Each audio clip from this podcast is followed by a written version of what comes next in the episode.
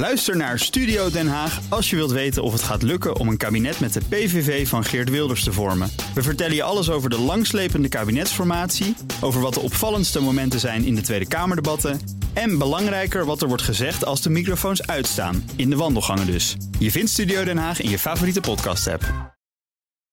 Wetenschap vandaag.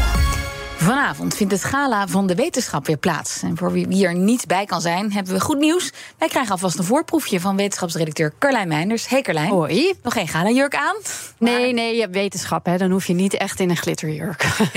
maar er zijn heel veel wetenschapsevents deze week. Ja, ja, ja. Uh, veel politiek en ook veel wetenschap. En ik zeg het nog maar even, wat is stemmen belangrijk in een tijd met zulk ingrijpend klimaatnieuws ook. En zo weinig partijen die dat belangrijk genoeg vinden. Dus gebruik die stem morgen. Mm. Goed. En is dat ook een beetje het thema van het gala? Of sluit dat daarop aan? Nou, we hebben eerder dit jaar al het gala van een krachtig klimaat gehad. Dus ze waren er vroeg mee. Uh, ook georganiseerd door New Scientist. Deze editie gaat over het raakvlak tussen kunst en wetenschap. Dan kun je bijvoorbeeld denken aan muziek als middel om maatschappelijke problemen op te lossen. Of hoe foto's uit een lab op zichzelf al kunstwerken kunnen zijn. En zo rollen we mooi over dit bruggetje het onderzoek van Loes Segerink in. Vertel. Zij is biomedisch technoloog van de Universiteit Twente. Staat vanavond ook op het podium en doet ontzettend interessant onderzoek. Bijvoorbeeld naar een lab on a chip. Voor het kweken van betere planten. Voor het bestuderen van zaadcellen.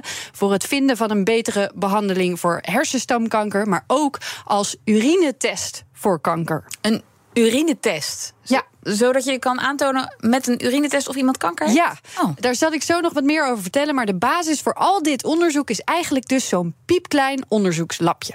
Ik maak dus van die microfluidische systemen, of ook wel lab on chips. En dat zijn eigenlijk laboratorium op een uh, klein formaat, een soort grootte van een postzegel. En wat we daarmee kunnen doen is kleine processen goed in kaart brengen.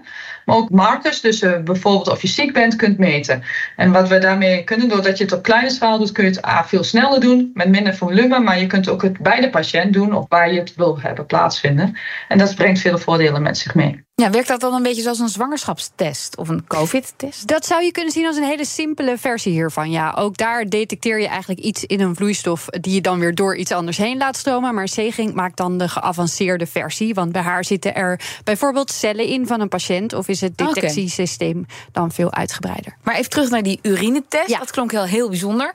Um, waar dient die precies voor? Nou, ze zijn daar al een tijdje naar aan het kijken. Kunnen we met zo'n uh, mini-lab biomarkers van kanker in urine detecteren. En een hele interessante richting die ze nu opgaan, is kijken of ze het bekende uitstrijkje kunnen vervangen door een urinetest. Nou, halleluja. Geloven, ja, dat, uh, ja, dat sowieso. Maar ook de helft van de vrouwen meldt zich maar voor dat bevolkingsonderzoek, geloof ik. En, en nu willen ze dus eigenlijk zowel gaan kijken naar de sociale kant. Hoe bereik je nou de mensen die nu niet komen?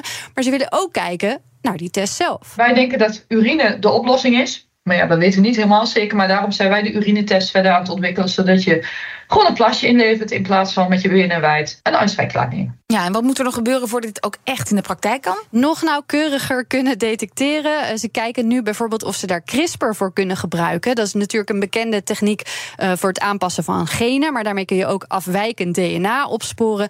Lijkt heel goed te werken. Zou ook mogelijk moeten zijn voor zo'n urinetest. Alleen moet het nog wel beter lukken bij lage concentraties dan van dat afwijkende DNA. Maar kan het ook als bevolkingsonderzoek? Want dat klinkt als heel erg veel, veel te veel werk. Nou, het kan in ieder geval heel snel. Want qua test zou het mogelijk moeten zijn om de uitslag na een half uur al uh, te hebben. Al zou het in de praktijk waarschijnlijk dan wel eerst naar een lab moeten. En dan krijg je de dag erna misschien de uitslag.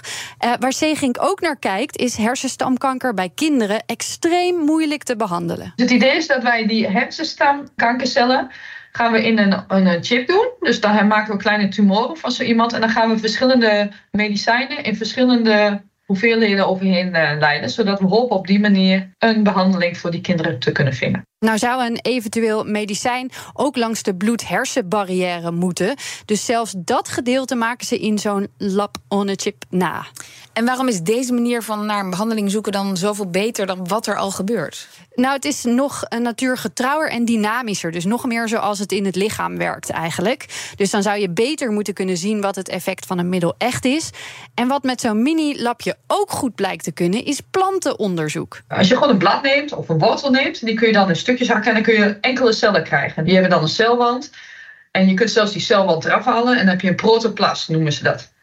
En van één zo'n protoplas kan weer een hele plant groeien. Wat zij nu vooral doen, om uh, bijvoorbeeld duurzamere gewassen te krijgen, is dat ze de eigenschappen, dus ziekteresistentie toevoegen, uh, droogtebestendigheid en weet ik veel wat. Dat doen ze allemaal toevoegen. Maar dat gaat allemaal een beetje random en dan gooit men allemaal op hoop. En het idee is dat je dat met microsystemen, dat we dat wat gecontroleerder kunnen doen, zodat we nou ja, efficiëntere gewassen kunnen gaan maken. En dan met een, een beetje met het idee dat je gewassen uiteindelijk zo kunt aanpassen dat je iets op veel meer plekken bijvoorbeeld kunt laten groeien. Kunnen we straks alle soja die we hier in ah. Nederland nodig hebben, gewoon hier verbouwen, bijvoorbeeld. En, stel dat ik hier nog bij wil zijn. Ik weet niet of dat ik ben geen wetenschapper of ik word uh, uitgenodigd. Nee, het is niet alleen voor wetenschappers, oh, Kees, zeker niet. Maar het is wel uh, net als alle jaren heel snel uitverkocht, oh, altijd. Helaas. Dus daarom is het fijn dat we nu toch even wat hebben kunnen bespreken.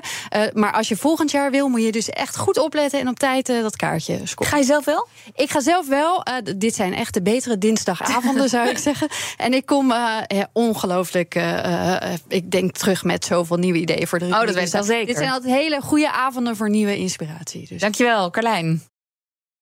Ook Liesbeth Staats vind je in de BNR-app. Ja, heel handig. Luister live naar Kees en mij tijdens de Daily Move. Dan blijf je ook gelijk op de hoogte van breaking news en het laatste zakelijke nieuws. En daar vind je ook alle BNR-podcasts, waaronder de Perestrooikast. Download nu de gratis BNR-app en blijf scherp.